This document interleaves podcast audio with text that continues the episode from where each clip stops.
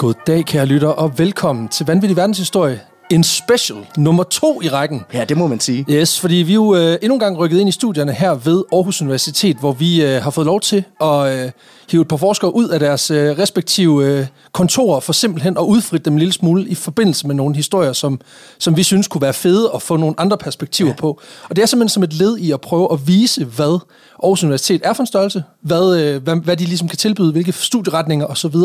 der er. Øh, at kigge på, hvis man overvejer den slags. Så, øh, og vi er endnu en gang ikke alene. Nej, vi har fået selskab af faktisk en rigtig historiker. Ja, det er, er er jo- sådan lidt frygtindgydende på en eller anden måde. Lidt af en underdrivelse. Og få besøg af en, der faktisk ved, hvad han laver. Det er dig, øh, Bertel Nygaard. Du er lektor i historie her på Aarhus Universitet. Velkommen øh, til Vanvittig Verdenshistorie. Jo, tak. Øhm, hvad er det fede ved at se på historien? Det kunne jeg godt tænke mig at starte med at høre. Altså, når man dedikerer sit liv til historien på den måde, som du gør, altså, hvad, hvad er det, der er fascinerende ved at kigge tilbage på, på stort set alt det, der er sket indtil i går? Og altså, historien er jo fuld af fascinerende ting, fordi historie er jo grundlæggende alt, hvad der nogensinde Ja, det er er sket. Altså, så på den måde er den jo fuld af, af fede historier og sjove ting. Øh, Hvis jeg skal sige noget mere grundlæggende, så, er, så kan historie jo lære os noget om, hvad det vil sige at være et menneske i den her verden. Altså, den kan lære os noget om, hvor forskelligt vi kan leve vores liv, fordi mennesker i gamle dage, altså mennesker i fortiden, har jo simpelthen levet deres liv under nogle helt andre præmisser, end vi kender i dag. Mm. Og vi kan studere dem øh, gennem, gennem, gennem kilderne, og det er jo, altså, det synes jeg er fantastisk. Og vi kan gøre det på tusind forskellige måder. Vi kan, vi kan tælle dem, vi kan måle dem, vi kan veje dem, men vi kan også prøve at lære dem at kende gennem deres fortællinger, gennem deres liv. Og det kan altså lære os noget om os selv og vores verden, og hvordan vi hele tiden grundlæggende er undervejs, fordi vi også selv er historiske væsener. Er der ikke også et eller andet element af det der med, at man kan lære, altså også at blive klogere, så man ikke gentager nogle ting? For det er jo i hvert fald en af de ting, der har været centralt for vores dækning af historien, har været meget det der med, hold kæft, hvor er det dumt, vi gør det her igen og igen og igen. Det kan, det kan man bestemt også. Uh, altså, så snart man begynder at, at, at kratte lidt i overfladen mm. på historien, så viser det sig jo også, at jo, vi gentager historien igen og igen, og det, det er desværre sådan lidt dødstømt projekt at forhindre verden i at gentage sine fejl. Men man kan gentage sine fejl på en lidt mindre dum måde, end man gjorde sidst, vil jeg hellere sige. Det er jo Ja, hele præmissen, det tror jeg. Carsten, du opsummerer der på en eller anden måde. Ja, 100 procent. Har du selv en, hvad kan man sige, en favoritperiode i historien? Noget, du synes, øh, hvor du tænker, det der, det er bare fedt. Det var fedt. Øh, Fransk aristokrati eller et eller andet. Altså, jeg, jeg, er jo ansat til at...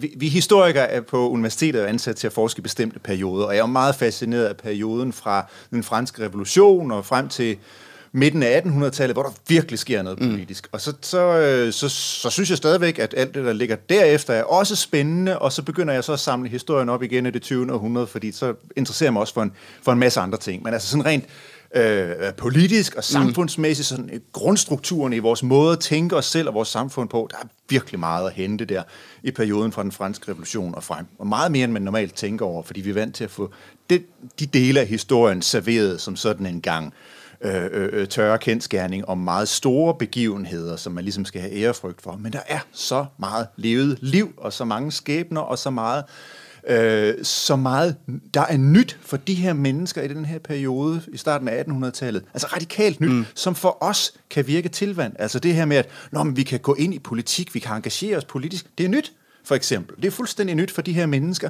Så derfor begyndte jeg også at tænke over, jamen, hvad, hvad er det egentlig, vi gør? Hvad er det, vi har gang i?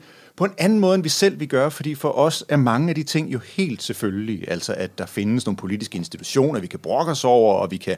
Der er ikke en konge på den måde. Nej, der er ikke en konge, der har bestemt det hele, vel? Og Nej. vi, vi kan gå ind i politik, og vi kan også forestille os, at vi ligesom går ud af politik, og alene det at, at tænke de tanker så grundlæggende, var noget, man gjorde i starten af 1800-tallet. Og hvordan var din egen vej ind i det her? Fordi jeg tænker bare, altså det lyder jo helt vildt fedt, når man sådan ligesom kigger på det på den måde, men jeg antager ikke, at det var sådan, at du sad som seksårig og tænkte, haha, der var den, det er det, jeg skal, eller hvad? Nej, nej, nej, altså som seksårig ville jeg nok have været, altså jeg diskuterede med mig selv, om jeg skulle være brandmand eller politimand eller Ja. privatdetektiv, fordi det var... ja. og det er på en Stærk måde- træer, stærk træer. Det er, ja, det er på en måde ret glad for, at jeg ikke blev, for jeg tror virkelig, det, Det har været, Den branche, der har det hårdt for tiden. Ja, det også. Det bliver skåret fra som noget af det første. Ja, ja. altså, jeg, jeg, begyndte at interessere mig brændende for, for historie faktisk i, i gymnasiet småt, fordi jeg kunne godt, altså jeg, jeg var flere fag, jeg synes var interessante, og jeg kunne også godt have læst mm, statskundskab eller sådan noget, men jeg synes, historie havde en måde, man kunne gå ind og, og diskutere og reflektere og selv tænke mm øh, og lade sig fascinere og rive med øh, og låne af en masse andre fag, som jeg virkelig godt kunne lide. Altså jeg, jeg kan godt lide, at jeg som historiker kan, kan gå ind og bruge, øh, jeg kan bruge litteratur, jeg kan bruge film, og jeg kan bruge øh, gamle billeder, og jeg kan bruge malerier, ud over de her tekster, som vi er vant til at betragte som kilder. Hvor altså, det, det giver det er der masser af andre fag, hvor jeg ligesom ikke får mulighed for, og jeg får mulighed for at gøre det på nogle perioder, hvor folk har levet et helt, helt anderledes liv. Ikke? Ja, det forstår jeg også godt. Det lyder vildt fascinerende. Det lyder helt vildt. Altså, det er også derfor, vi kaster os over podcasten, var fordi vi fandt ud af, at der var altså, det jo egentlig var et fascinerende felt, men noget, som vi måske også synes var blevet formidlet forkert igennem lange perioder. Altså, hvorfor tror du, man har en tendens til hele tiden at tærpe årstal og tale de her meget sådan, brede perspektiver, når det kommer til historieformidling? Det har man jo nok, fordi at vi, vi er vant til at tænke vores verden i sådan øh, helt faste fakta. Mm. Og det er faktisk også tit det, folk efterspørger ved historien og forbinder med historien. Altså, så vil de vide en hel masse. Men ved hvad, der er jo alt for meget at vide. Ja, Altså, ja. man, Oh, man taler lidt tit om, hvordan vores egen tid sådan ligesom er blevet oversvømmet af alt for mange informationer til, vi kan håndtere den. Sådan har det altså været temmelig længe. Ja, ja. Fordi hvis man ser efter, så har der jo altid været et eller andet, altså alt kan jo gøres til fakta, hvis det er. Ja. Og, og det vi historikere, altså faghistorikere, er gode til, uddannede historikere, mm. selvfølgelig ved vi nogle ting, vi kender til nogle fakta og sådan noget. Vi kan bruge nogle af de der vigtige årstal til at orientere os efter. Vi skal vide, og man skal vide, hvornår den franske revolution var. Ikke? Det, skal man, Ja, ja. Det, skal man, det skal man lære i hvert fald. Ikke? Og, og hvornår den anden verdenskrig og første verdenskrig og den slags var. Jo, jo, men, men, men altså, alt for mange fakta har altid forvirret os. Så det er slet ikke det, det er grundlæggende ikke det, det handler Så om. historien drukner i fakta. Jamen, det kan den sagtens komme til Eller at bliver gøre. reduceret til en tidslinje. Eller bliver, eller bliver reduceret til en tidslinje, eller til en hel masse opremsninger af, af, af, flytyper og, og, og kanon, altså kaliber på, øh, på ammunition og alt muligt andet, man kan, man kan gå op i, som jo selvfølgelig er væsentlig viden, hvis man skal sætte sig ind i nogle be- helt bestemte ting, men det er jo ikke noget, man bare skal have parat viden om til øh, at, at remse op. Ej. Om det er jo ikke det, det handler om. Det handler om at det at sætte sig ind i andre situationer og kunne fordybe sig i dem og lade sig fascinere også. Fordi det er sgu fascinerende. Det er grundlæggende dybt fascinerende. Jeg har, jeg har, jeg har jo den her oplevelse igen og igen, fordi som underviser mm. på universitetet bliver jeg også sat til at undervise ting, jeg ikke sådan i forvejen synes altid var skide spændende. Men så snart jeg graver mig ned i dem, så bliver de spændende. Mm. Men tager du så udgang i mennesker, eller i perioder, eller hvad, hvad, hvad, er, ligesom, hvad er dit greb, når du skal undervise øh, hvad man siger, dine elever? Det kan, det kan være øh, vidt forskellige greb. Det kan, Okay. være, altså, øh, øh, det kan være mennesker, og det kan være temaer. Jeg har undervist i populærkultur, for eksempel, så man kan undervise i, øh, i, øh, i popmusik og tegneserier og den slags. Okay, jeg har det er noget undervist, for mig. Og jeg har også undervist i, i, i, i politisk tænkning, altså den mm. politisk tænkningsteoris udvikling. Jeg har undervist i historisk metode, altså sådan noget med, med kildekritik, og hvordan vi, vi kan stole mere på nogle udsagn i kilderne end på nogle andre. Kan, kan vi få et par privatlektioner måske? det, det kan du vurdere, når vi er færdige i dag. Vi, vi kan snakke om These guys need help. det kan jo sagtens være. Nå, men øh, jeg ved ikke, om vi skal lige så stille gå ind i det, fordi at, øh, altså, vi skal i hvert fald have noget, vi skal lige have noget øl i glassene vi skal have først. noget øl i glasset. Og så, Og, øhm, så kunne jeg egentlig godt tænke mig at spørge, mens du hælder op. Ja, selvfølgelig. Øh, Øh, vi skal lige have valgt først, fordi at jeg har jo to det- valg med. Fordi at øhm, sidste gang, der drak vi en, en sort øl, og så gik det op for mig, at der skal man jo kunne lide sort øl. Så jeg har taget en lys og en mørk til, med til dig i dag, og det er simpelthen dig, der Bertel, der får lov til at vælge. Ja. I det, øh, I det mørke hjørne, der har vi Dark Lord fra Three, Lloyd, uh, Three Floyds, som er en, øh, en kaffestout fra USA. Den bliver udgivet på bryggeriet, man skal møde personligt op for at hente den. Øh, det har jeg ikke gjort. Jeg har betalt en mand i dyrdommen for at hente den. øhm, og den, øh, altså jeg har faktisk aldrig smagt den her, men den bliver udgivet hvert år, og den, er, den skulle være altså, top of the pop. Og i det andet ringhjørne har vi noget øh, belgisk surt fra øh, belgiske Canchon, mit private, personlige øh, favoritbryggeri, som simpelthen er en, øh, en spontan gade hvedøl, som har ligget på træfade i øh, to år, og så er den så tilført nogle, øh, hvad hedder det, noget, noget frisk humle. Så øh, det er noget syrligt eller noget mørkt. Hvad, hvad har du mest lyst til? Altså nu glemmer du at sige, hvordan de ser ud, fordi den syrlige er jo sådan øh, lidt, lidt øl- og cider-agtige flaske, Yes. og den anden mm. ligner jo simpelthen et, øh, Heavy et metal cover. Ja. eller et heavy metal cover. Jeg er altså meget til Dark Lord. Ja, Jeg synes, det lyder Amen, hvad? utroligt Jeg, jeg plejer også at vælge Perfekt, baseret på, hvordan etiketten ser ud. sige. Skide godt, skide godt. Jamen jeg åbner her, så kan du snakke videre. Ja, altså, fordi jeg kom til at tænke på, Bert, altså i, øh, her i podcasten, der dyrker vi jo, hvad man sige, de vilde historier fra virkeligheden. Noget af det, hvor man tænker, okay, det var lige godt, det var lige godt satans, eller det var godt nok skørt, ikke? Er der noget i, i din forskning, eller i dit arbejde, som du stødte på, hvor, hvor du tænkte, okay, det var sgu alligevel, det var godt nok øh, vanvittigt? Og øh, altså, er sådan nogle ting, hvor man tænker, det kan ikke lade sig gøre? Ja, altså en, en, en begivenhed, hvor du tænkte, det var, det var satans, at det, det skete. Altså, på en måde er historien jo fuld af den slags, altså, øh, men, men altså, jeg kan, ikke, jeg, jeg kan ikke lige komme i tanke om en sådan lige på, på stående fod, men, men, men man kan sige, at jeg jo, har jo hele tiden, hele tiden mødes jeg jo, når jeg studerer kilderne, næsten uanset mm. hvilket emne det er, er sådan nogle, okay, wow, altså for, fornemmelser, ikke? Ja. Sådan, øh, hvor, hvor, hvor man tænker, sagde de, sagde de virkelig det? Ikke? kunne de virkelig finde på at sige det? Hvad kunne det være? Altså, jeg har skrevet en bog, for eksempel, om, øh, om Elvis. Ja. Øh, altså, ham, den amerikanske rockstjerne, ikke? Og, øh, og, og ikke min ven Elvis. eller mit marsvin Elvis. ja, præcis. øh, nej, men jeg har skrevet en bog om, om Elvis i Danmark. Altså, hvordan man har opfattet Elvis, siden han kom frem i 50'erne, og egentlig frem, frem til i dag. Og det er nogle ret vilde ting, man kunne skrive om en, øh, om en øh, rockstjerne i 50'erne. Altså, no. øh, beskylde ham for, altså, at virkelig svine ham til, og, og, og have sådan en mistanke om, at han ligesom forførte ungdommen til at blive alt muligt, man ikke måtte være i 50'erne, altså kvindagtig, eller homoseksuel, eller... Kæft, øh, okay.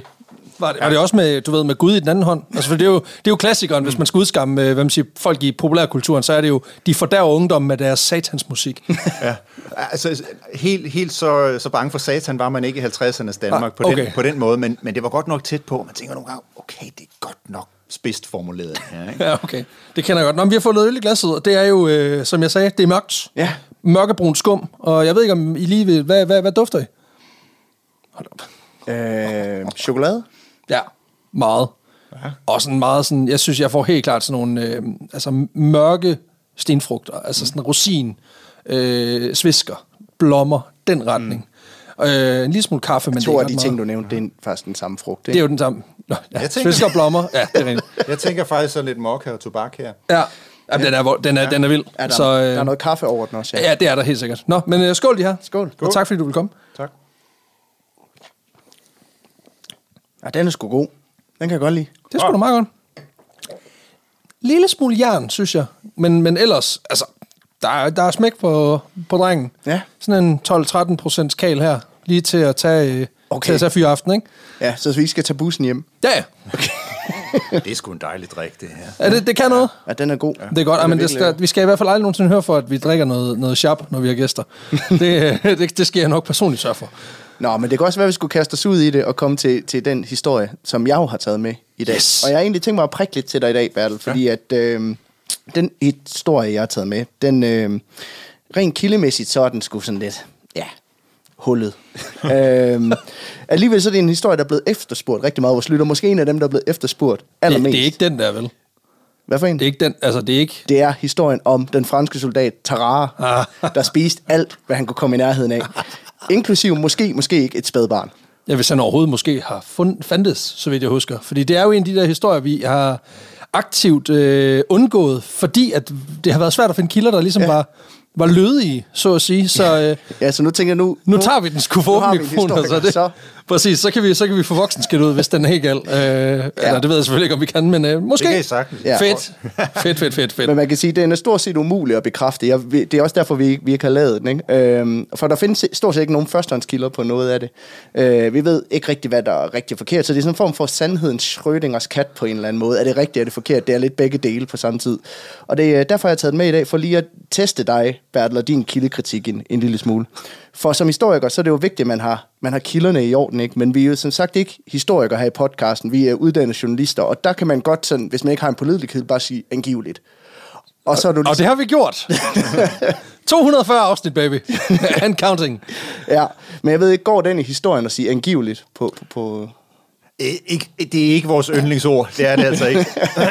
Hvis der står angiveligt et sted, så sætter vi lige et mærke og siger, det tjekker vi lige op på. Ikke? Ja. ja. Men hvad er en god historisk kilde, bare lige for, for at få det på plads?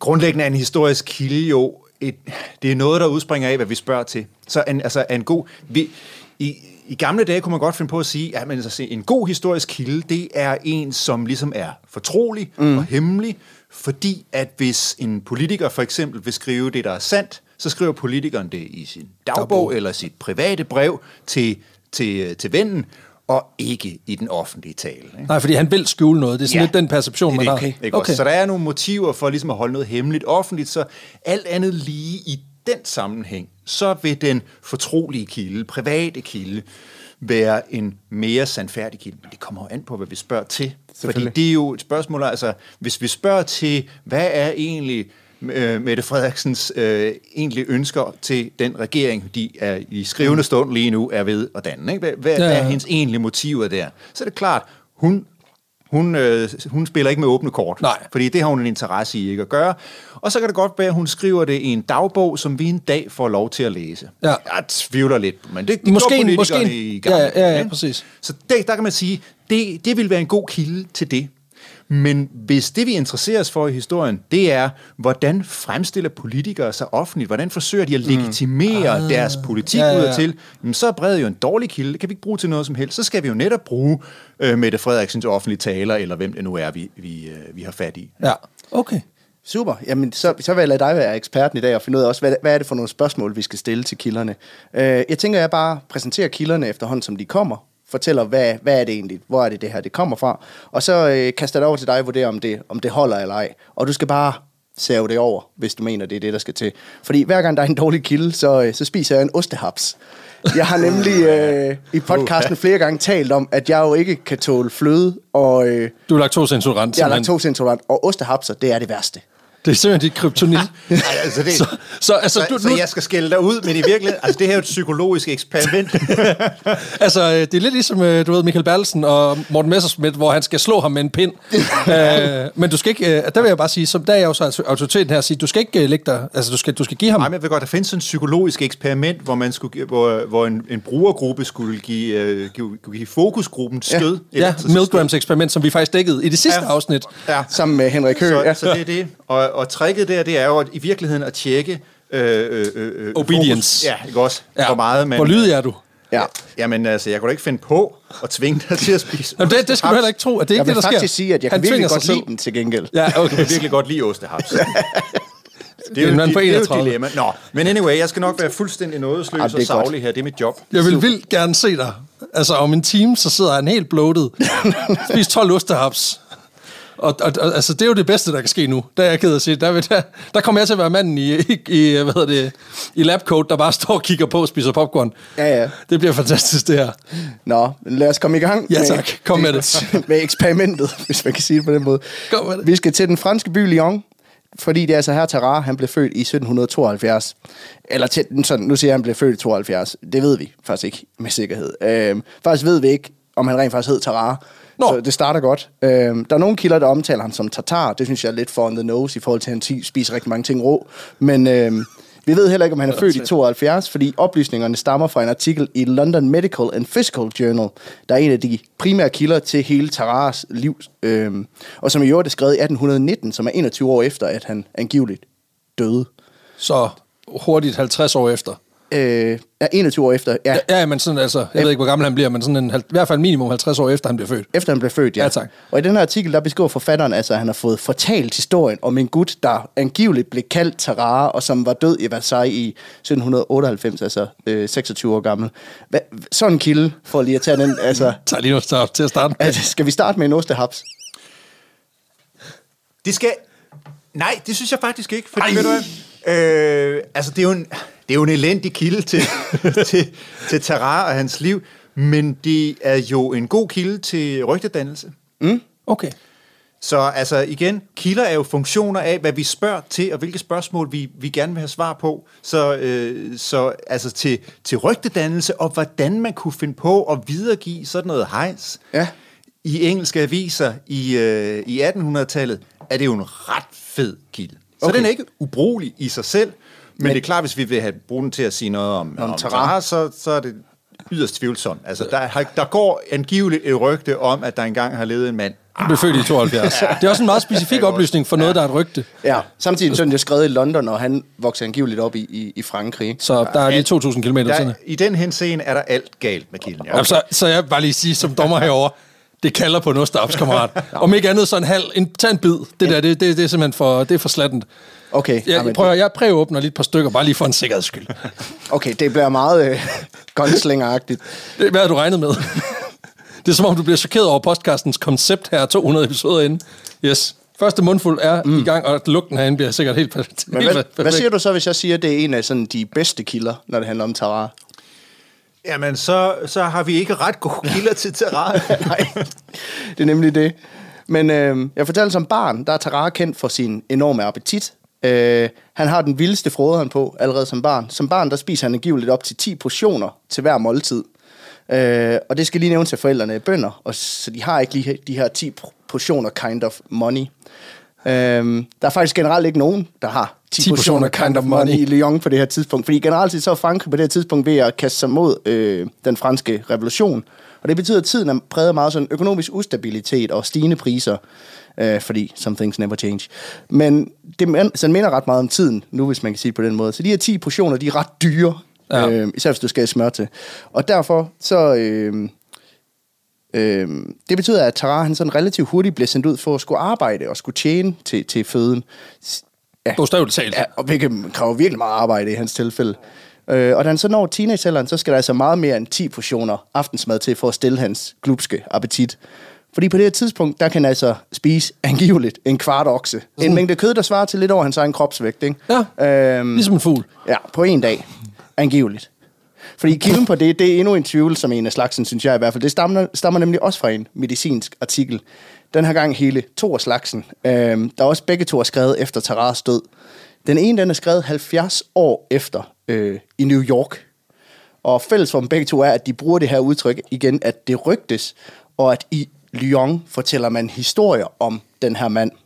Faktisk sådan en af de her kilder så ballsy, at i kildelisten, så har han bare listet den anden af de her øh, medicinske journaler. Og den har så igen... Blevet listet en tredje. Den har så angivet den anden, så de sådan henviser til hinanden. Ah, det er jo smart, som hvis man kilde, skal hvilket, øh, verificere. Altså, at det er et godt tegn, når to kilder, de på den måde siger, jeg har det fra ham der, og han har det for mig. øh, altså, det...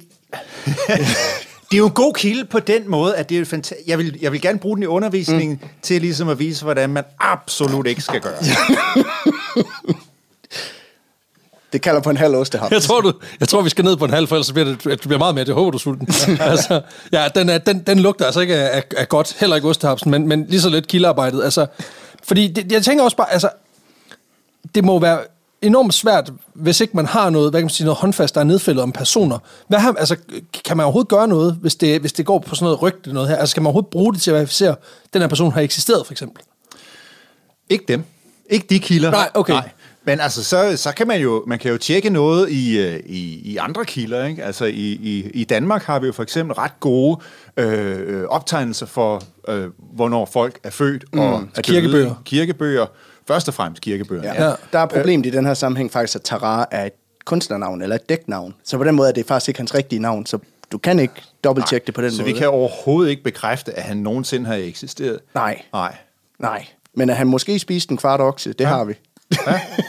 Angiveligt. Har du, har du endnu mere? Jeg har endnu mere. Altså, der er meget mere.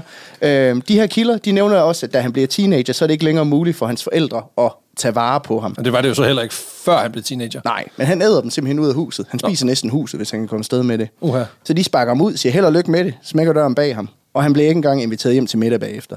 Øhm, de fylder ikke køleskabet op, kan jeg ligesom fornemme. det kan jeg på en måde godt forstå. Ja, det lyder sgu dyrt. Der, altså, der er det... ingen care package fra mor der. Nej, det er der ikke. Også bare fordi, at der er ikke nogen, der har en ladvogn i byen, der er stor nok. Altså, altså æder med mig meget tør pasta til, for at du det, kan... det, det er det. Til gengæld så ender han med sådan at drifte lidt rundt i nogle år. Han bliver sådan en form for landevejsrider, øh, der går fra by til by og tager alt muligt forfaldende arbejde. Og efter noget tid, så ender han med at blive sådan en del af et, et følge.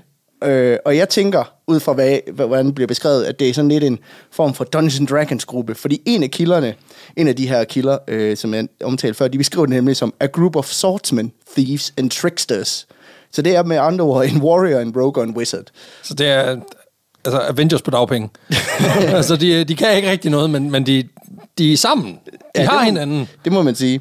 Og når der er også helt vildt mange prostituerede. Nå, ja, ja. Øhm, fordi en del af det her følge, det er altså kvinder, der rejser rundt og ernærer sig ved at sælge deres kroppe til højsbydende. Alt imens at de her sværfolk, de truer sig til penge, tyvene de stjæler, og tricksters, de laver sådan et ja, forskellige trylletricks for at snyde folk. Jeg tænker, det er den der med kop, koppen og bolden. Altså, koppen og bolden, man kan se på den der bro i, i London. Ja, tak.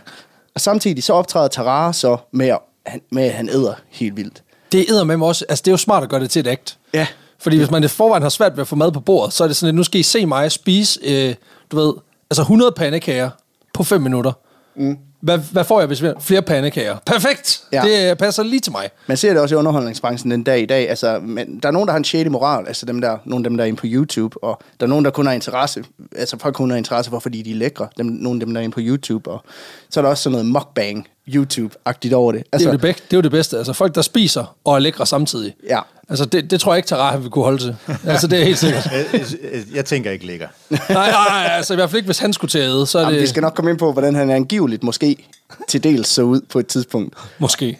Øhm, der hvor vi så ved det her fra, og den her beskrivelse af den her gruppe, det ved vi fra en fransk avis, der beskrev, hvordan det her følge, de på et tidspunkt rejser igennem Bordeaux, og hvor et øjenvidne fortæller, hvordan han har set Tarare æde det, der svarer til en hel gris.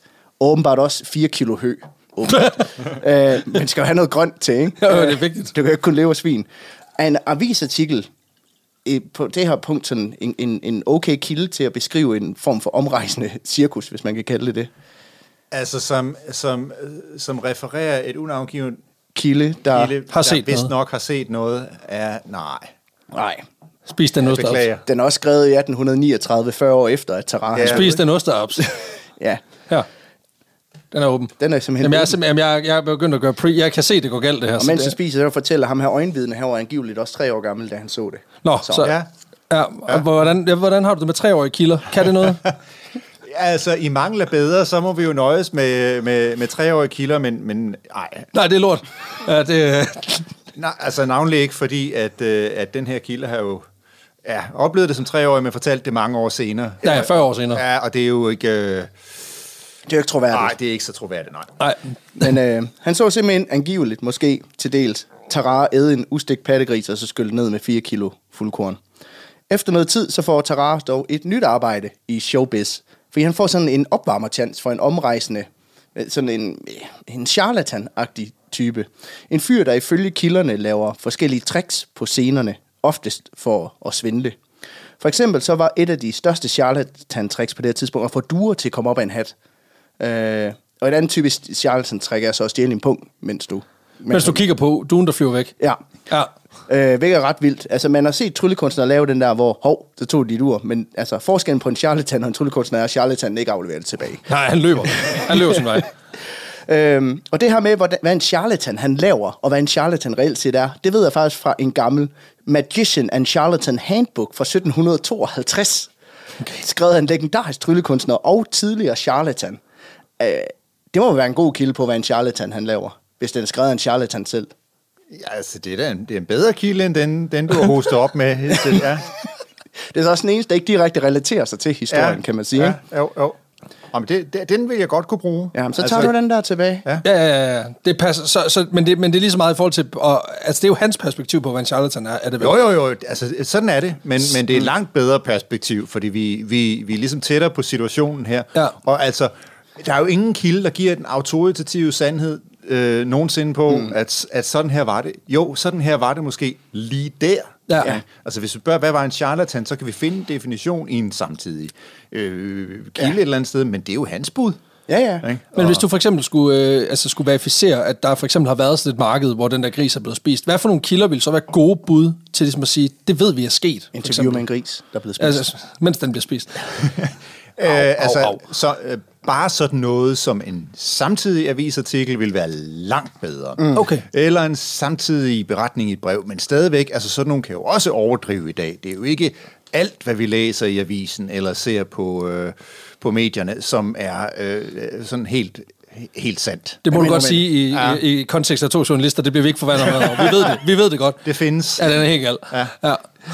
Men øh, Tarare, han får altså angiveligt et opvarmerspot for ham her, en lokal sådan Mr. Poxycat, skråstrej. Og det er også her, han begynder at optræde under navnet Tarare. Og det kommer af et fransk, mener man i hvert fald nu, op, øh, kommer af et fransk ordsprog, der er sådan bum bum Tarare, der er sådan en form for Tadare-agtig. Oh, sådan hedder som en tadar. Der står, der står det typisk noget, man siger efter eksplosioner. Og det, og det ved jeg, det ved jeg ikke helt, hvad man skal bruge til, men jeg synes, det er, det er ret fedt. Øhm, men hans opvarmningsakt, det består simpelthen af, at han spiser forskellige ting, inden ham her charlatan, han går på. Alt fra korkpropper til sten til forskellige smådyr, både levende og døde. Okay, okay. For eksempel så spiser han levende mus og råt slangekød. Og der, ja, Det vil på en eller anden smart at spise slangen, efter den har spist rotterne, men altså... Han, tager, han tager den så, så, så håber han på, at det bliver til et eller andet ned i maven. Det var fedt, at, altså han spiser jo dele af slanger. Jeg tænker, han, den er slicet Ah. over som sådan en, mm. en sushi-rulle. Ja, tak. Og så tager han den. Jamen, stek, ja, stegt ål. Slange sushi. Det kan sgu noget. Men der kunne det være fedt, hvis han på bare sådan efterfølgende så brækkede den op, så var der en helt slange. ja. Spiser stykker. Det, det har vi jo set før. Altså, ja, du tykker et, et spilkort i stykker, så kommer der helt kort ud. Altså, det, det kan et eller andet, men en levende slange, der kommer ud, det har vi ikke set før. Nej. Øhm, og så kunne han jo fodre den med musen bagefter. Ja, ja, præcis. Derudover så har han også et trick, hvor han angiveligt hedder sygt mange æbler. Øh, op til tre kurvefulde æbler i løbet af sit akt. Det er et meget langt trick, er det ikke det? Ja, og man kan også sige, at han, ikke, han får ikke skørbu. Altså, han får en anden form for skørbu, men det altså... Ja, den er, den er jo C-formet, så det er jo meget godt. Øhm, jeg vil så sige, at kilderne nævner ikke noget med det efterfølgende mylderbag, men altså, det tænker jeg, det er baseret på min egen erfaring. Det, Altså, det- Den side af historien glider tit ud. Ja, ja ikke også? Jamen, altså, ja. hvor gik de på toilet? Det er, der, er, altså, er der, ikke- der må også være, være nogle elementer i historien, som man bare sådan, det er der ikke nogen, der har beskæftiget sig med. Det er fuldstændig rigtigt. Altså, vi, det, det, det er meget få offentlige personer, vi følger på toilet. Ja, ikke også? Men altså, vi, vi har på et tidspunkt snakket om den her øh, Erfurt Latrin disaster, altså hvor et gulv kollapser, og der er 40 adelsfolk, der, der bliver kvalt i en, en utømt septic tank, ikke? Men der er det jo på grund af størrelsen af skandalen og, og, og uheldet, der gør, at man overhovedet forstår, at der er... Det er klart, altså, Altså- hvis du dør på lokum, så, Så- så skal vi nok huske- Tywin Lannister-style, ja. prøve at mindes det, men, men ellers så er det jo noget, vi egentlig ikke taler om. Altså. Mm. Men der må også være, det må vel også være det, der er svært, når man skal beskrive øh, hverdagslivet dengang, ja. for der er sindssygt mange af de sådan, daglige rutiner, som jo bare er gået i glemslen, fordi hvor, hvorfor beskrive det? Alle ja. gjorde det. Ja, Altså- altså, og, nogle gange kan vi godt grave noget frem, om, også selvom de har forsøgt at skjule det. Ikke? Okay. Altså, fordi latriner smed man jo sådan, for eksempel i, i ned i jorden. Ja, ja, ja. og, og der kan man jo grave dem op fra igen. Altså, Ja. Og sådan en, sådan en gammel lort, øh, sådan en 400 år gammel lort, den kan sige en hel masse. Ja, ja altså, der, der er jo Altså, noget med det- noget kostsammensætning og alt muligt For lækkert. eksempel, ja. Ja, ja, ja. Tre kurvefulde Men jo også, hver dag. også sige noget om, hvor, hvor man gik på lokum, og, og hvad man ja. så gjorde bagefter, og hvad man tørrede sig med, og alt sådan noget. Det kan man jo godt afsløre, også selvom det ikke lige står nogen steder. Fordi det er ikke det, vi, vi praler ikke rigtigt med det. Nej, Vel? men det er jo, der kan man sige, der, der kan du jo også bruge lidt din, øh, din drøm om at blive, blive privatdetektiv. Altså Ja. finde ud af, hvor er lorten, og hvad siger den om mennesker? Men altså, måske, måske var det ikke så fjernt igen fra Nej, privatdetektiv, det er, det er endt med at blive. Nej, Nej, præcis. det er lidt det samme på en eller anden måde. Ja. Men man kan sige, at Tarara han tiltrækker i hvert fald virkelig et crowd, mens han laver det her act. Faktisk så meget, at det her opvarmningsakt bliver beskrevet i flere skriftlige kilder, der alle sammen citerer den samme bog, Og det er altid godt. som er skrevet i 1896. Og det er sådan en bog, hvor man sådan lidt clickbaity præsenterer sådan en række medicinske kuriositeter. Og jeg kan hilse at sige, at øh, en anden kuriositet, som optræder i bogen, det er altså en mand, der blev vampyr, fordi han blev bidt af en flagermus som en, en form for fucked up superhelt. Så altså, sådan en bog, den kan man jo ikke bruge til så meget til at sige noget om, hvad der er rigtigt og forkert i hvert fald. Ikke lige i den henseende, men stadigvæk, altså det er jo en fed kilde til øh, folkelige forestillinger, og hvad man kan sælge Ja. af, af, af, af møg til, øh, Godtroende lokale. til godtroende lokale på det her tidspunkt. er, er det jo en fantastisk, øh, er det en fantastisk mm. kilde, men altså en kilde til, at det sker, nej. Nej, Men er det, altså, jeg tænker bare, nu kan jeg ikke lade være med at tænke... jeg tager, jeg tager nu start. Ja, du tager noget start. Så imens, så kan jeg jo lige spørge, fordi jeg kan ikke lade være med at tænke, nu begynder vi vel at nærme os noget med noget eksistens. Altså i den forstand, at der er flere kilder, der begynder at sige, at han var der, gjorde det her. Eller er det stadigvæk bare, nu er det bare øh, fem forskellige, der har opfundet ham. Eller kan man sige noget om, at hvis mængden af uaf, altså uafhængige kilder, der beskriver en mand, der spiser meget rundt omkring i Frankrig, mm. kan man så sige, at der var noget i det? Eller, Det er jo umuligt at sige på den tidsafstand. Var vi ikke helt oppe i 1896? Jo. Ja, altså det... Ja, okay. det Går du igen? Der eksisterede vist Det er nok 100 en år mand efter, for, for, døde, 100, cirka. for 100 år siden, Ja. der kunne noget ret utroligt. Ja. Det, altså det, det er ikke... Jeg vil sige, det, det er sådan nogle artikler, man havde haft i det. Der var sådan en medie på et tidspunkt, der hed En skør, skør verden, ikke? Ja, ja, ja. som øh, har masser af sådan nogle historier. Også sådan nogle, der handler om nutiden, men det gør det jo ikke til en god kilde. Nej. Okay, jeg skal til at revidere en del af det manus, jeg har skrevet til. Men okay, fair nok. fair Husk angiveligt. Ja, ja, præcis. det står på, altså det er, det er nummer et, når jeg skriver manus. Husk angiveligt. Men Tarara, han kan altså også godt se det her akt med at æde ting. Det er der, det er der sgu publikum i. Altså, altså, det er godt nok til, at han kan tage rundt på no, nogle forskellige universiteter og optræde til nogle fredagsbar og sådan noget, tænker Ja. jeg. Øhm, øhm, jeg tænker også, skal jeg vide, om der er groupies i, i sådan noget, altså i, i, i at æde De ser sulten på ham, han ser sulten på det der du skål for du sluger ting, det gør jeg også. Ja, præcis. okay. Men i jagten på berømmelse, og måske, måske ikke damer, øh, der, der rejser han altså til Paris i 1788. Og øh, her begynder han så som det, der er blevet beskrevet som street artist. Og jeg ved ikke, hvad det andet, han lavede før, det var. Men han blev Der var et telt. Han var en form for gadekunst. Ja, det var mere byfest, og det her det er mere... Før var det sko og torp, nu er han gået altså, baglæns. ja, nu har han bare gået sko. Det var en sko, der skal smide penge i. Ja, tak. Øhm, og det, det er ikke sådan noget banksy noget, i hvert fald, han maler graffiti med, med bidende satire eller sådan noget. Øh, det betyder primært, at han står nede på hjørnet og æder alt muligt. Og det går faktisk okay, for han tjener fint med penge. Han får også rigeligt at spise. Og så er han sultet langt fra, som alle de andre gadegøjler i Paris. Men på et tidspunkt, så går det sgu galt. Fordi midt under et akt, hvor han skal spise en sten, der kommer der pludselig et eller andet til at sidde fast i tarmene på ham. Han, har, han får det, der hedder en tarmobstruktion. Simpelthen, at der er et eller andet, der sætter sig på tværs af en form for virkelig, virkelig voldsom forstoppelse. Øh, og man kan sige, at normal forstoppelse skyldes ofte for fed mad og for få fibre. Det kan du ikke sige, hvis du har spist en sten. Det er, altså, Det der, er- får, der får du rigelig fibre. Der er pænt mange fibre. Det kan godt stoppe lidt. Ja, det, ja, det gør det. Altså, den, den ligger en tung bund. ikke? Ja, det kan kan ikke, hvor meget fedt er der på en sten? Nul. Det er Præcis. naturens mørbræd. Altså, Ja, det er det virkelig. Det er det virkelig. så den bliver relativt... tung at fordøje dog. Ja, men den kommer ikke igennem. Ja, den er også relativt hård skide ud, bogstaveligt talt, fordi det er det, han skal. Ja, Nå, okay, så den skal, den skal ud. Ja, efter han kollapser med smerter i maven, så bliver han transporteret til hospitalet, hvor han får en ordentlig omgang afføringsmidler. Øh, Primært svisker og blommer, og alt det gode, der er i den der øl, ikke? Ja. Øhm, sindssygt mange æbler kan også hjælpe, efter min erfaring. Ja, tak. Og så skider han simpelthen den her sten ud igen. Altså cannonball-style. Ja. Den slår lidt hul i væggen. Og da det hele er overstået, og han ligger der med måske en af de ømmeste nummihuller i, I byen. i verdenshistorien, så kommer kirurgen Chirot ind på stuen, og han er Uh. lidt sådan, puh, det var hårdt. Vil I se det igen? Hvad? Tara han sådan, doktor, skal du ikke lige se, hvad det var, jeg gjorde? Nej, det er ikke rigtigt. og så påpeger Tara, han kan, jeg, kan, jeg kan lige æde dit lommeur også, i øvrigt. Øhm, Og så hvad? Ja, og så skide det ud igen, tænker jeg. Ja. Okay, det er igen et langt akt. Altså, der skal jo, skal jo lige hele vejen igennem, jo. Giv mig lige et ur, og, så, og seks timer. Jamen, på, han har lige fået voldsom afføringsmiddel. Jeg tror, det, det Når du tænker, den flyver lige igennem. Ja. Så kan du lige, du kan lige nå stuegang, inden, inden showet kommer. Han lyder også til at have haft lidt specielt indre. Jamen, jeg tror- Så mange meter tarm, som vi andre er Ej, men vi, har, med. vi har faktisk beskæftiget os med en anden, som, øh, som, spiste, som endte med at spise sig igennem et fly. Og det viste sig jo, at han formentlig havde den sygdom, der hedder Pika, som er sådan et, øh, et syndrom, hvor folk de, de har en eller anden... Det er sådan en psykologisk ting, hvor de har en, en, en tendens til, at de vil spise alt muligt, som ikke er fødevare, altså som ikke er næring, næringsgivende. Og så, øh, hvis man så også har en ekstremt stærk mave, altså øh, meget, meget tyk, øh, øh, hvad man siger, polstring i mavesækken, så kan man jo holde til langt mere, og det lyder jo lidt som om, at, øh, at Tara, han har lidt begge dele. Ja, måske. Ja. Men kirurgen er i hvert fald ikke så imponeret over tilbuddet om at, om at han lige kan æde hans. Og det er helt nyt ur, altså. For hans far, hvis du æder mit ur, så skal jeg maven op og operere det ud på dig. Okay. okay. Og det er jo en fantastisk historie. Hvad er så kilden på det? Ja, tak. Den her historie, den stammer fra en af de der tidlige øh, medicinske artikler, som jeg nævnte før. Men jeg vil give dem en smule credit, fordi i den her artikel, der citerer de faktisk direkte fra ham her kirurgen Chiros journaler, øh, hvor han beskriver, at han i dag har behandlet en patient, der er gadegøjler og går under navnet Tarara. Så, Oh, så shit. begynder det at ligne okay. noget. ikke? Hvad så? Det, øh, det lyder som en bedre kilde. Ja, Ja. ja. Når man begynder at citere lægejournalen. Øh, jeg vil så sige, at lægejournalen, den findes ikke mere. Nej, og det gør det jo umuligt for os at tjekke, om, der, er- om der er tale om et falsum. Øh, men forløbig vil jeg sige, at det er da muligvis den mindst ringe af dem. Er enormt godt lide, at du er gået fra bedste til mindst ringe.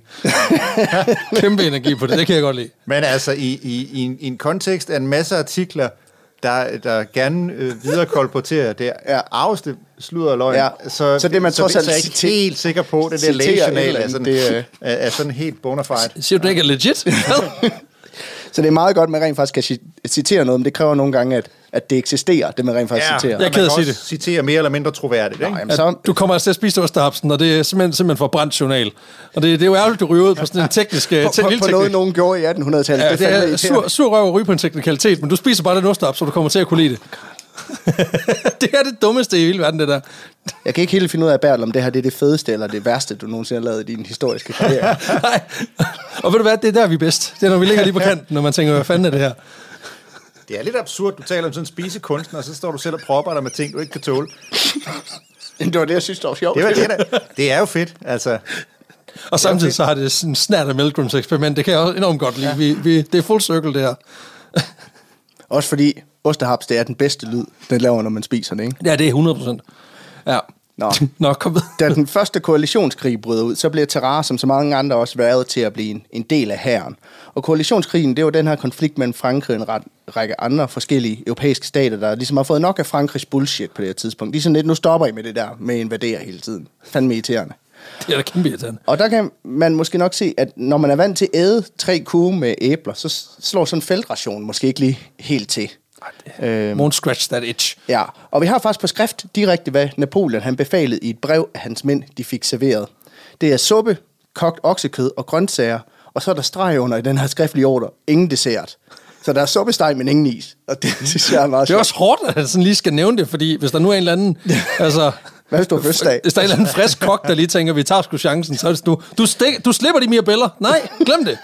Det skal ikke være fedt. Det skal være, det skal være træls at være soldat. Ja. De skal gerne vil have det overstået, ikke? Ja, men man kan sige, om ikke andet, det kan jo ikke holde sådan en gut som Tarara kørende ret længe. Så ifølge de her to tvivlsomme medicinske artikler fra før, så begynder Tarara altså at arbejde for lidt ekstra føde hos sine kammerater. Og det kan være at ordne deres uniformer, opgive den gode soveplads, eller, og så står der ordret, and other favors that a soldier might need. Og der ved jeg, altså, man skal måske ikke tolke så meget digte. ja, man skal ikke tolke ja. så meget på kilderne, men jeg kan godt forestille mig, hvad det er. Han horer sig ud for hø, det er det, jeg vil sige. Jeg ved ikke, hvorfor der er hø i de der rationer, men det var der.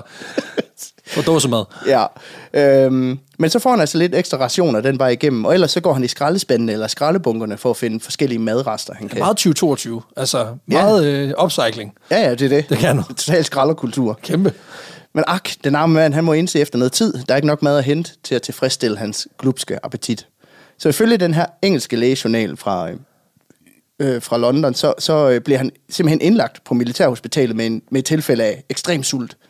Han er simpelthen ved at kratte af. Ja, men selvom de fodrer ham fire gange så meget som de andre patienter på hospitalet, så er han stadigvæk sulten.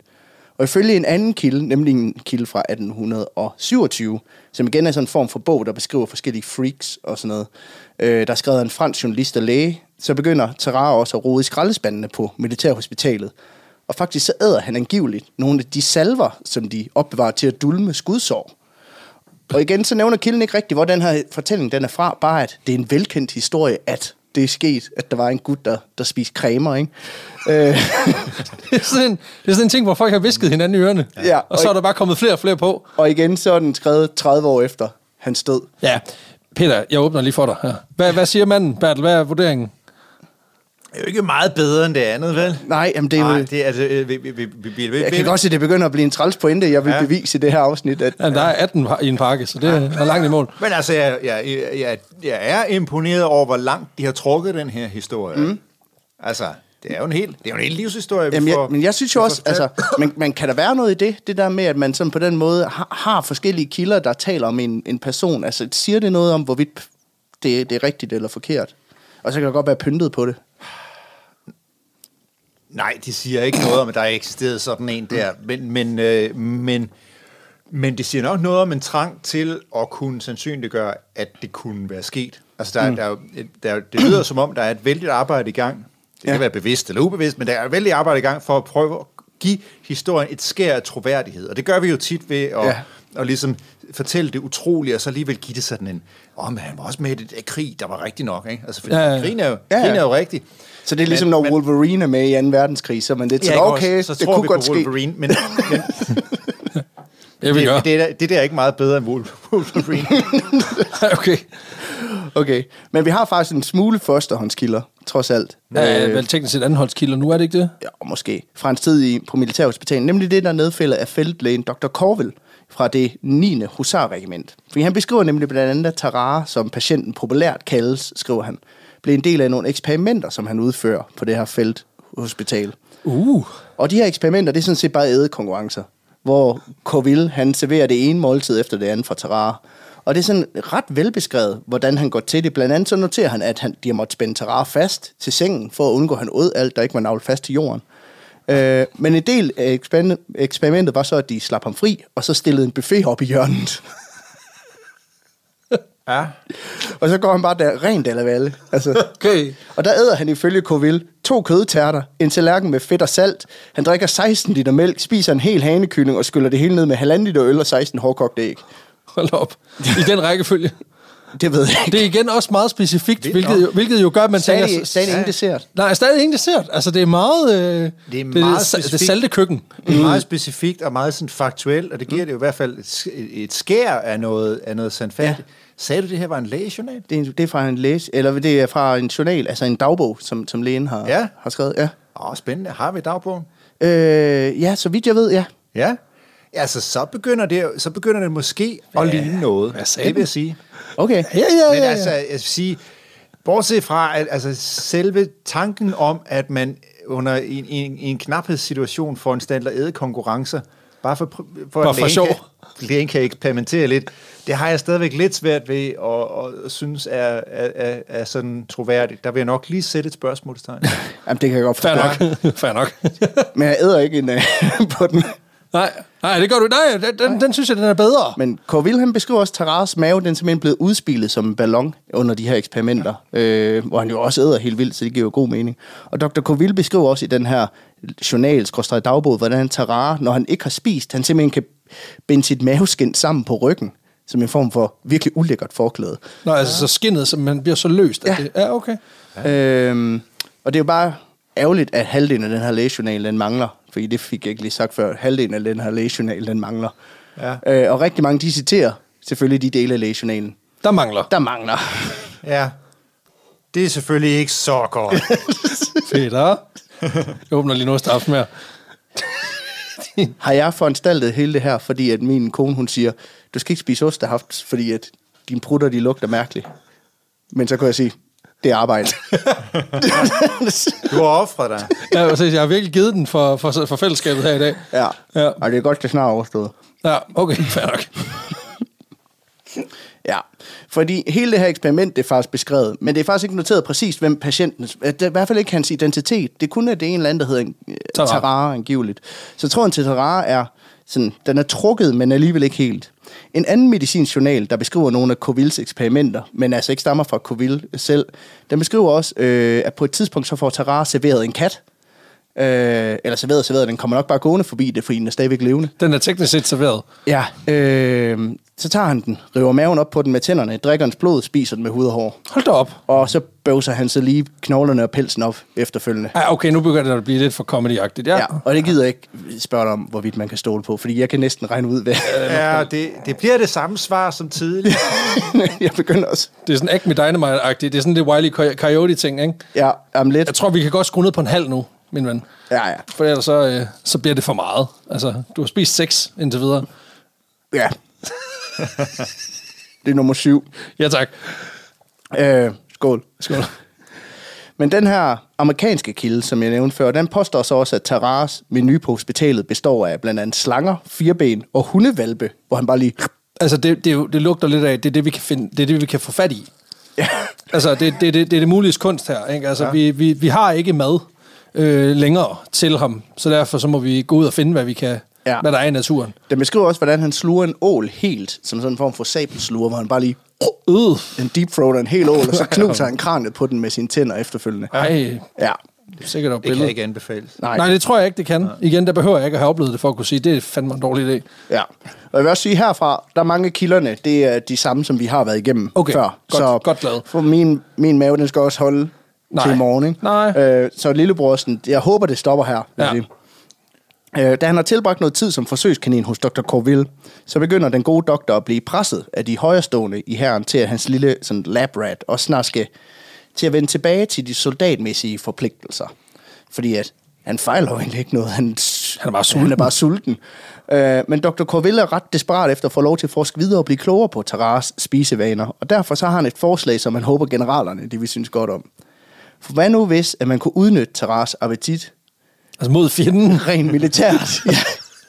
Okay, det er jo, altså, det er jo, det er jo, godt, det er jo godt træk for ikke, alle ikke til forskere. æde fjenden, vil jeg sige. Jamen også bare, jamen det, det er godt træk, det der med, at hvis du er i tvivl om, hvorvidt din forskning den kan få, altså du kan blive ved med at få forskningsmidler, try to weaponize. Altså hver eneste gang, fordi altså, der er fandme altid penge at hente, så Ja, hvis du kan... det kan bruges. Ja, Ja. hvis du, if you can weaponize, så, Ja. kan, du få, så kan du få forskningsmidler. Han skal desværre ikke æde fjenden. Nå. Det er ikke det, der er lagt op til. Men mere, han skal være en form for menneskelig postkasse.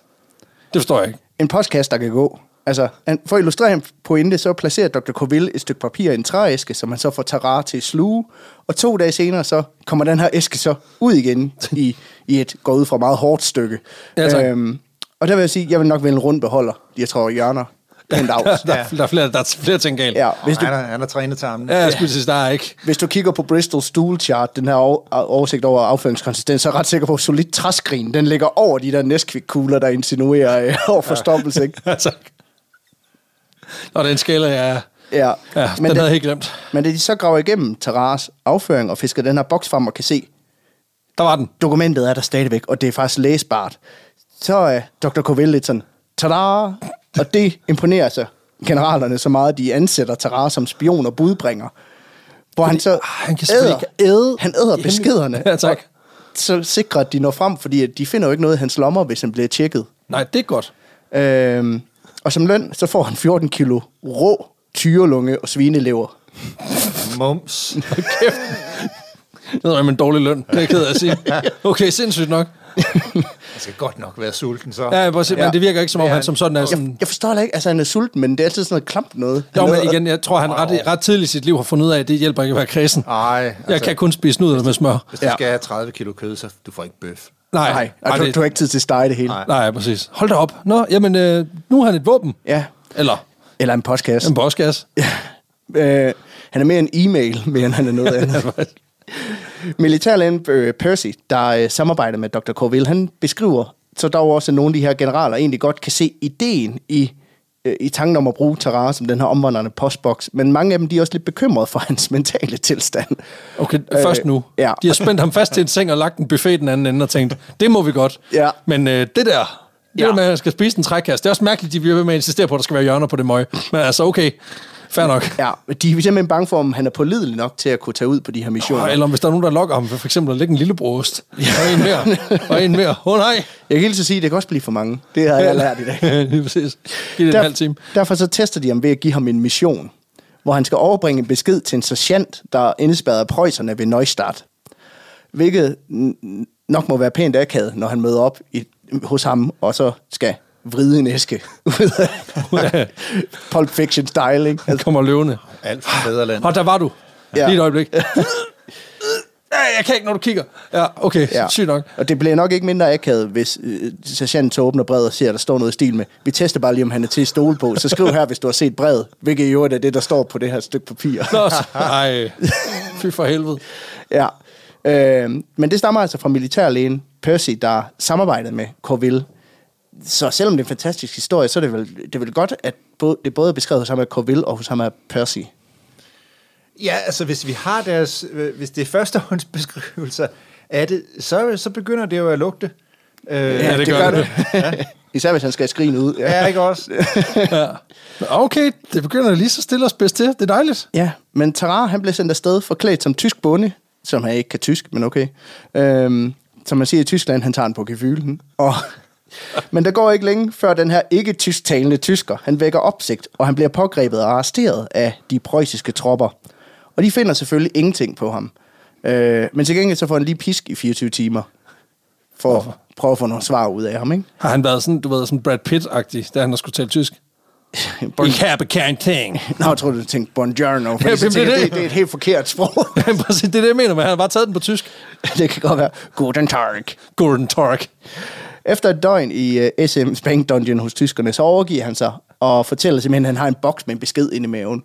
Og så han var ikke til at stole på. Ja, nej, jamen, det var han jo så ikke. Nej. Det fik vi jo testet meget godt. Så tyskerne, de smider ham på potten, og ingen længere, inden længe, så uh, ligger der simpelthen en boks nede i latrinen.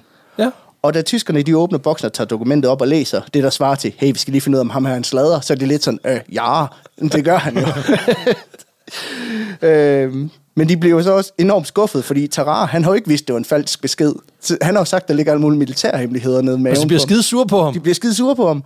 Han har fortalt stolte op og stolte ned om, hvor vigtig den her besked inde i maven den var. Og derfor så ender de faktisk med at dømme ham til hængning. Nå, Ja.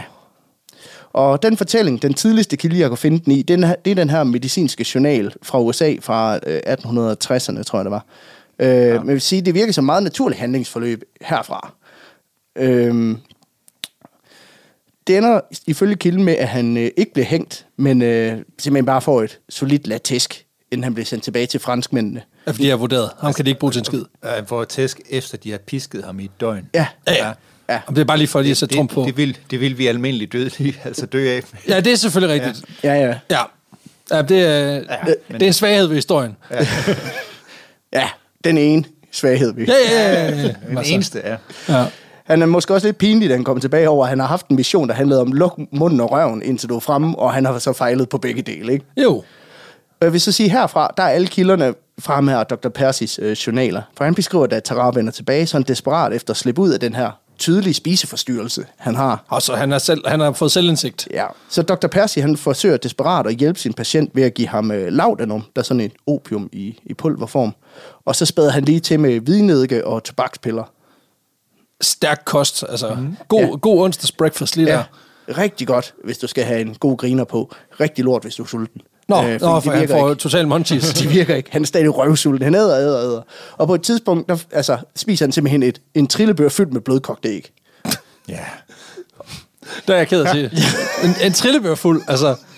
Jeg ved ikke om, er, er, der, øh, er, er, det en, er det en legit måleenhed på det her tidspunkt? Ja, det er helt op Kører omkring bro- kubikknop også. Ja, ja, præcis. Altså på en trillebør fuld øh, blodkogt æg. Dejlige detaljer, at de er blødkogte også. Altså. Ja, ja, præcis. Så er der så tryk på dem, Det at kan, de være, presser det kan sammen. være ganske svært at lave et godt blødkogt æg. Ja, men det er så øh, lykkedes dem så meget, ja. at de kunne fylde en... Øh, Ja, giv den de- syv og et halvt minut. De er ikke smilende, de er ikke hårdkogt, de er ikke rå. Nej, de er præcis. lige de der, hvor de har perfekte. fået Ja, 6 ja. til 7 minutter, ikke? Ja, tænk sig at skulle håndpille. Altså, 400-500 blødkogt æg. Men han får i hvert fald sit protein. Den Ja, det gør han. Og Percy, han sætter ham på den ene diæt efter den anden, men lige lidt, så hjælper det. Og æggediæten, den er så hård. 500 blødkogt æg. Det er så bulket. det er der på For præcis som os andre, så holder hans diæt lige indtil han skal til at tage sig sammen. Og så æder han igen. Faktisk så nævner samtlige kilderne, alle kilder, jeg har haft med fortælling, de fortæller den samme version. Nemlig at Dr. Percy på det her tidspunkt tager, simpelthen tager sig rare i at drikke fra de her patienter, som er i gang, man er i gang med at tage blod fra. Øh! Altså, så han ser simpelthen en patient, der er i gang med at blive overladet, hvor han har det, sådan noget rør ind, og så tænker Tara, sugerør. Altså. Øh, men den fortælling går igen i alle kilderne, at han går og sutter i, i de andre patienter på den her måde. Øh, fra den amerikanske lægejournal til den britiske, til de mere moderne, og selv i nogle Dr. Percy's noter, der bliver det insinueret. Så det, det vel meget godt, eller hvad? Men det er stadigvæk et rygte. Ja, ja. Ja. Jamen, det er rigtigt. Ja. Men hvis alle går og fortæller et rygte, bliver det sikkert lidt rigtigt. Du er også vokset op Så på han var altså også vampyr. ja, Ja. ja. Ja. Nej, han er går- sulten. Det Går, det. går og drikker menneskesmoothies. Ja. Ja. Ja. Ej, ved I hvad. Ej. Du kører den ikke. Ikke over en tødel. De andre kilder, de nævner faktisk også, at præcis øh, ligesom man kan blive taget i at gå i køleskabet, når man er på kur, så tager de dem også på vej ud i kapellet en gang imellem, for lige at få sig en aftensnack. Ude Og det, det, det, lugter lidt af sådan en, at det er sådan jovialt. Hey, hey, Tara. Ah, ah, ah. Er du på vej for at æde de døde igen? ah, du, Tilbage i seng. Tilbage i seng. du afslører mig. Ja, præcis. Nej, der tog du mig igen. Ja. Det gør så også, at flere de begynder at presse på for at finde ud af, om han skal indspærres på en form på mental anstalt. Øh, men Dr. Percy og Dr. Corville, de øh, får lov til at beholde ham, så de kan fortsætte deres eksperimenter. Det hele det kulminerer sig dog, da et øh, 14 måneder gammelt spædbarn, der hø- tilhører en af sygeplejerskerne på det her hospital, pludselig forsvinder. For i så peger alle pilene i retning af Tara, der lige har fået en babybite for at blive ved. Det, du det hørte sige, det er, at ej, der er en, der skulle passe. Og Ja. så, ej, ej, fy for helvede, mand. Og det betyder faktisk, at han bliver forvist fra sygehuset. Det var alligevel en mild straf ja. for at spise et spædbarn. Ja, ja, men det er også angiveligt. Altså, de kan jo ikke... De har ikke noget fældende bevis. Nej, okay. Så de har bare tænkt, hvem kan det næsten Der, være? mangler, der mangler bare en. Den ekstremt sultne mand, der har været på vej i kapellet, som om det var et fucking køleskab. Mm. Kunne det være ham? Nej, Nej, altså jeg tænker også bare... nej det er ham, der er et otte øh, lillebrorste nu. Ja, præcis. Jamen, jeg kan ikke lade være med at tænke, der var på et tidspunkt, hvor man var noget mere lax omkring bevisførelsen i en straffesag. Altså, det virker bare mærkeligt, at man så har sluppet ham her, for det er, sådan, det er kraftigt insinueret af ham. Ja, ja. Altså- Altså, altså al- alene det at beholde ham, når han er begyndt at spise ude i kapellet, altså er jo ikke... Øh, Nej, det burde, det burde være et red flag. Nej, det er... det er ikke... Altså, det er den originale Hannibal Lecter, man er sådan, hey, hey, kammerat. Ah, ah. Det skal du holde op med. Dem, det er lyst. Ej, jeg tror sgu ikke rigtigt. Nej, du, du tænker, den er, du jeg- kalder bullshit. Ja, det vil jeg sige. Ja. Det må du også gerne. Det er så også her, jeg præsenterer den sidste kilde. En rigtig grum en af slagsen. Fordi Bertel, den her bog, den hedder The Two-Headed Boy and Other Medical Marvels, og skrevet af en, der hedder Jan Bundesen, der er en svensk forfatter og læge på rheumatorisk afdeling på Wales University i Wales, sjovt nok. Øhm, og den er udgivet i år 2000.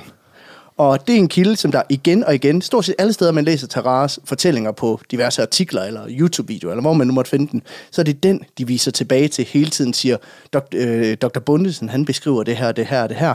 Og jeg vil sige, den opgiver faktisk nogle af kilderne, blandt andet nogle af dem, jeg har, jeg har brugt i den her fortælling også. Men der er også en stor del af historien, som præsenteres i den her bog, som jeg ikke lige kan se, hvor han har fra. Øh, og så mest af alt virker noget, der er sat ind for lige at få den her historie til at hænge Altså, det er sammen. simpelthen det er polyfiller. Ja. Ja. Øh, Mørtel. alle artikler, videoer, alt om emnet tager udgangspunkt i det her og formidler den her bogs version af historien. Og vi bruger tit bøger i podcasten som grundlag for, for vores fortællinger. Men der er vi jo enormt, prøver i hvert fald at være enormt forsigtige omkring, hvor de her bøger, de har deres info fra, og prøver at dobbelttjekke så meget vi kan. Er det fra arkiver, er det øjenvidner, eller hvad, hvor kommer det nu fra? Her, de her, der er lidt referencer til de her journaler og sådan noget, og det er sådan set godt nok, men derudover ingenting. Så virker det bare som noget, Jan Bundesen, den svenske læge fra Wales, han har... Øh, En sen nattetime. Ja. Sidder og Hej. måske spist nogle lillebrødost, og så har han siddet og tænkt, ja, fuck it. Jeg har taget straffen, jeg har rumleskid, jeg skriver det her ned. Ja. Så Så nu spørger jeg dig den sidste gang, er, er, det, er, det, er det godt? Er det, en, er det til at stole på? Jeg tror godt, du ved det nu. Ja. Ja, Jamen, nej, jeg ved ikke, nej, nej, altså det, det er jo helt af helvede til. Men, øh, altså, at han sidder og finder på. Men altså, igen vil jeg sige, det er jo ikke mere helvede til, end at det er jo nogle gange betingelsen. Altså, hvis, øh, altså, det er det, vi har. det er det, vi har, og så skal der jo, der skal, altså, men vi ved jo også godt, at der har eksisteret mere. Bortset fra i det her tilfælde, hvor vi hverken er sikre Ja. på, at han har eksisteret, eller hvad han har lavet, eller hvad der ellers er sket. Mm. Uh, vi, vi ved ret beset ikke en skid, og det er klart, at så, kan, så, er det, så, er det, så skal vi ikke begynde at, at bygge helheder op omkring øh, Fordi vi har ikke noget. to, to røverhistorier og en... Og, Men må man godt det, eller som historiker, hvis man nu havde nogle gode kilder, der sagde noget om, han har faktisk været her, der er faktisk sket det her, må man så godt fylde hullerne med sin egen Jamen, så vil vi, begy- altså derfra vil vi begynde at sandsynliggøre, hvad, der, hvad der kan være sket. Det er vi jo nødt til. Altså det er fuldstændig ligesom hvis en øh, arkeolog finder et potteskår, så, øh, så, er vi jo nødt til, så kigger arkeologen på det og siger, hvordan har det siddet mm. i potten? Ikke? Og hvordan Ja, har potten så formentlig set ud, og sammenholder det med andre former for lignende Potter. skår og potter og sådan noget. Ja. Ja. Altså selvom vi ikke har hele potten, kan vi nogle gange godt rekonstruere ja. med hjælp af det enkelte skår. Sådan er vi jo også nødt til at gøre tit med, med, som historiker, fordi der kan være kilder til noget, som og så mangler vi præcise kilder til noget andet, men så kan vi sandsynliggøre, at ting har forholdt sig på en anden måde. Okay. Men når vi så for eksempel kigger på den måde, man formidler på, på i mere moderne museumstradition for eksempel, ja. hvor, hvor det bliver meget personfixeret, altså hvor ja. Du har de her, så, men så skaber man vel en fiktiv person, og så er alt omkring levevilkårene er så korrekte. Det er Hvor- eller tit hvad? det, der sker, ja. Ja. Det er tit det, der sker. Men det er jo klart, at jo, så kommer jo an på, hvordan vi fremstiller det her. Fordi jo mere sikre vi er i vores sag, og han har været, øh, han har gjort sådan og sådan, og det er bare sådan og sådan, øh, så øh, jo, altså, jo mere kan vi også komme til at fortælle noget, der ret beset er løgn. Ja, ja, ja. Altså, og, og tit må vi jo tage forbehold for vores tolkning. Jo længere vi kommer tilbage i historien, jo færre gode kilder har vi. Det er også derfor, altså, vi laver stort set næsten kun historie efter 1900-tallet. Ja. Altså, fordi at Ja. ja. der, altså, derfra tilbage, så begynder kildematerialet at blive Rigtig svært i hvert fald. Ja. Ah, 1800. 1800. Og frem, ja, ja. fordi så begynder der, er der er paper trail jo ret kraftigt. Ja, ja. Men altså, jeg tænker bare sådan, øh, når vi så for eksempel, når man læser om, at man, de gjorde formentlig det her, fordi det her, altså, når man laver motivfortolkning på, hvorfor agerede vikingerne på den måde her, mm. der er, vel, der er det, det er vel ekstremt svært at lave den konklusion, fordi det er jo et handlemønster. Ja, ja. Det er klart, altså, og der vil, altså, på universitetet er vi jo, der diskuterer vi jo hele tiden kritisk og udfordrer hele tiden hinandens tolkninger. Okay. Men man må sige, at, altså, og vi, vi udfordrer også hinanden på, hvor meget mm. vi må tolke, men grundlæggende er vi jo nødt til at fortolke i et eller andet omfang, og Ja. ja. fremlægge vores øh, forståelse af, af det, vi nu arbejder os frem til. Men, men der har vi jo, øh, forskere på universitetet har jo så den her de indbyrdes diskussioner, hvor vi udfordrer hinanden på argumenterne, mm. og hvor forskere i det samme emneområde ligesom kan anfægte hinandens øh, tolkninger, eller udvikle dem videre og sådan noget. På den måde bygger vi jo ikke bare oven på noget, der er øh, kun utvivlsomt sandt, men også på nogle fortolkninger af nogle sammenhæng. Der er masser, vi ved med sikkerhed i historien, men, men meget af det, vi kan diskutere, det er sammenhængende. Mm. Og, og hvad vi lægger til, er det, vi kan fastslå med sikkerhed. Ikke? Okay. Så, så, så, så, og, og, og, og vi vil jo altid, som faghistoriker, vi vil altid se tingene i en helhed. Ikke? Så man kan sige, at alt det her med Tarab, vi har gennemgået mm. nu, ikke? Ja. det er jo en sjov og løjerlig og pushy historie, som en fortælling om en mand, der skal have eksisteret, tror jeg ikke rigtigt på den, men, øh, men som en fortælling om alt muligt andet, kan den godt have en værdi. Altså den siger mm. noget om, hvordan vi har fortalt historier til hinanden, hvordan selv i øh, medicinske øh, tidsskrifter, der angiver at have en eller anden form for videnskabelig lødighed, kunne man finde på i 1800-tallet at gengive mm. sådan noget et, et, tvivlsomt, et rygte, simpelthen. tvivlsomt rygte. Ja. Ja. Det, siger det, jo, det siger det jo en masse om. Men man kan sige, det vi, det vi som faghistorikere vil, grundlæggende vil gøre, det vil sige, hvad siger det her noget om? Mm. Hvad siger Terran ja. noget om?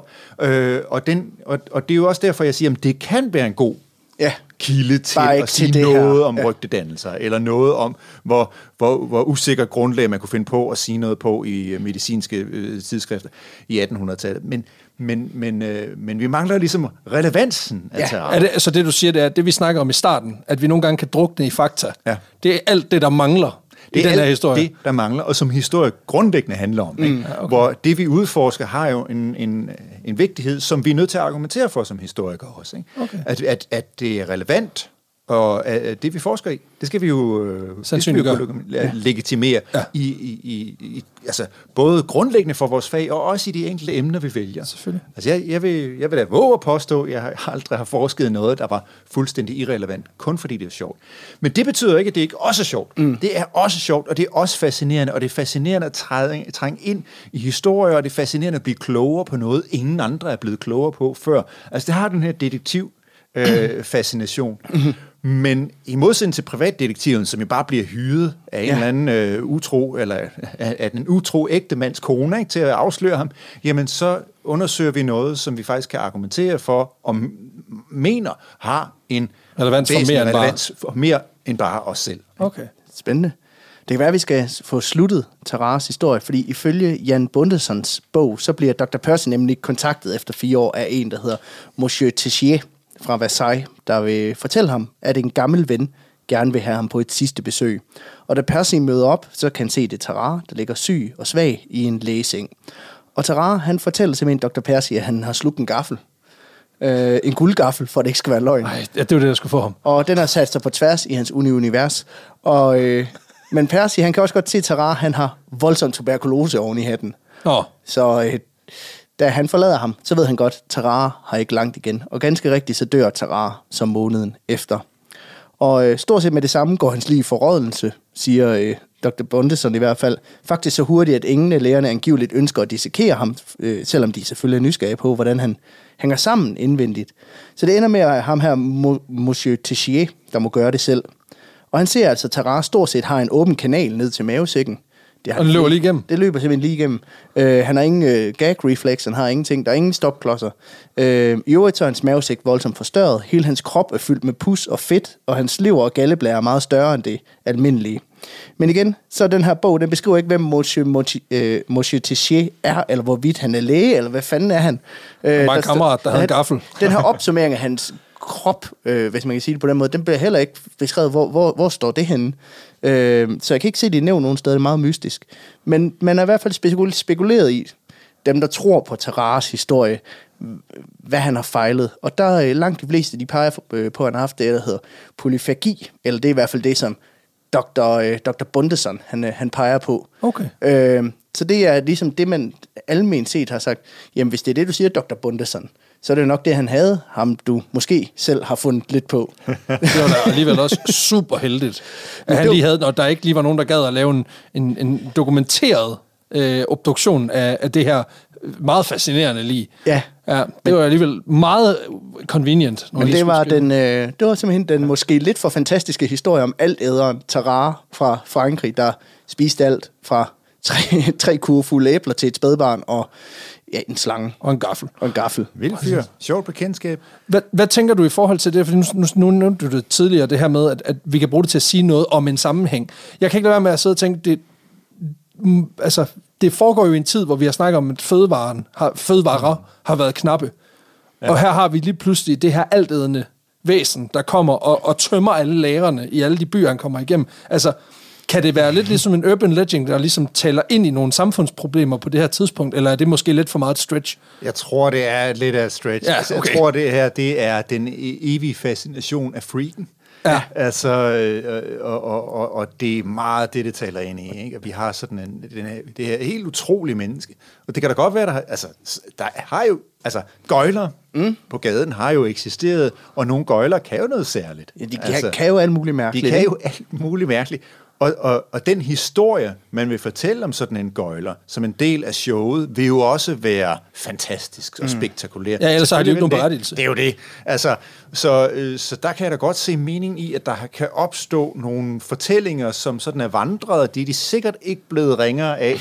Nej. og så er de blevet suppleret, fordi så kan man ligesom øge deres troværdighed, eller bare deres fortællingskvalitet, fordi meget af det her virker til at have vandret mundtligt og er blevet fortalt fra den ene til den anden. Altså, det, det, det er det, der får mig til at ja. tænke. Ja, ja, ja. Det kan jeg jo ikke dokumentere selv, men det lyder som en historie, som er blevet fortalt og fortalt og fortalt, og så er den bare blevet bedre og bedre, fordi man lægger lige lidt til, når man fortæller sine børn og børnebørn. Mm. Og den kommer lige forbi en læge, og den kommer lige forbi sådan, altså nogle autoritetspersoner. Ja, så finder vi lige sådan en, no- noget, der kan gøre det sådan lidt, øh, få det til at lugte lidt af noget, noget ægte. Men Ja. ja. altså, det er jo det er en, det er en fortælling, der er, er fuld af fantasterier og, og hviler på et afsindigt spinkelt øh, øh, grundlag. Ja. Skal, Men- vi, skal vi lige tælle, hvor mange ostehapser jeg har spist Jeg tror, vi er på i, ni. i sandhedens tjeneste? Fordi at, Det ser øh, uhyggeligt ud. Ja, det tror ja, jeg har spist ni ostehapser. Ja. Så du, du har virkelig taget den for holdet. Og vi startede der med halve, så den er, den, den er helt galt, den her. Ja. Men altså, hvis du sådan ligesom, altså, øh, når du ligesom kigger med din fag, øh, fagvidenskab og din, din, din tilgang til det her, er det godt, at vi ikke har lavet den her historie i vores podcast? Som jo er en historiepodcast. Altså, øh, jeg, jeg synes, det er en sjov historie, men jeg, jeg, er- altså, jeg må sige, at jeg er glad for, at jeg kunne få lov til at føre jer med sikker voksen hånd igen. Ja, vi også. Fordi, ved, ved I hvad? Det er da løgn og latin, det der. Men nogle gange så er historier også bare værd at fortælle, fordi de er sjove, ikke? Jo, og det er også, det er også værd at tage med. Og vi fortæller jo også hinanden masser af historier, som er åbenlyst fiktive, og det, det er der også plads til. Og de kan jo sige os noget som historikere også. Altså selv om ting ikke er faktuelt rigtige, mm. kan de sagtens sige os noget som, øh, som historikere. Altså de kan sige os noget om folks behov for at høre historier, folks behov for at fortælle historier, og modtageligheden for øh, måder at forstå verden på gennem den her freak-person. Øh, og det er, det, på den måde er det jo, er det jo altså, meget sigende øh, fortælling, men den siger ikke nødvendigvis så meget om de franske revolutionskrige eller noget som helst. Det siger en masse om, om, øh, om især 1800-tallet, så måske også lidt vores egen tids fascination af, øh, af alt det, der er helt utroligt mærkeligt. Ja. Og man tænker, det er med med løgn, det der. Og så en gang imellem, når man tænker, det er med med løgn, det der, så viser det sig at være rigtigt nok alligevel. Men der skal altså lidt mere til at overbevise mig om uh, den her menneskeskæbne. Hvis vi skal tage en lektion med herfra, nu, øh, nu er vi jo ikke historikere, og øh, vi prøver jo at være så... Så kritiske vi kan, Så kritiske, men, med kan. vores, men med vores vy, altså vores journalistiske værktøjskasse. Så, så hvad kan vi lære? Hvad, skal, hvad er ligesom det, det vigtigste, vi skal tage med os videre, når vi skal researche fremadrettet? Ja. Og altså, I skal... Jeg plejer jo altid at lære mine studerende, at vi starter med spørgsmålet. Ikke? Mm. Hvad er det, vi gerne vil vide noget om? Og så finder vi de gode kilder til det. Men det er klart, at de gode kilder er alt andet lige dem, der er tættest på det, vi vil vide noget om. Det er dem, der kan sige det, vi har brug for at vide noget om, men de skal også sige det på en troværdig måde. Det vil sige, at vi skal, vi skal tilbage. Vi skal tilbage i tid, og vi skal tilbage til noget, der er så tæt på begivenheden, som vi overhovedet kan komme. Jamen, øh, det synes jeg er en god pointe. Fandme en god at- pointe at at, slutte at, på. slutte på. Bertel Nygaard, Tusind, lektor tusind i tak. historiker. Lek- lektor i historie ved Aarhus Universitet. Tusind tak, fordi du har lyst til at komme øh, i vanvittig verdenshistorie. Det var, I øh, vores klør. Ja, fedt. Øh, Selv tak. vil- Vildt nok. Øh, og til dig, kære lytter, tusind tak, fordi du lyttede med, og tusind tak til Aarhus Universitet, som har skabt den her øh, fantastiske mulighed for, at vi kunne få lov til at få nogle, mm. nogle eksperter med ind og give os øh, en lille røffel, det hvilket jeg synes var på sin plads, især i forhold til den her historie. Så øh, tusind tak, fordi du lyttede med. Vi lytter til ved igen, ved, øh, i hvert fald næste søndag, så øh, have det rigtig godt næste dag. Moin.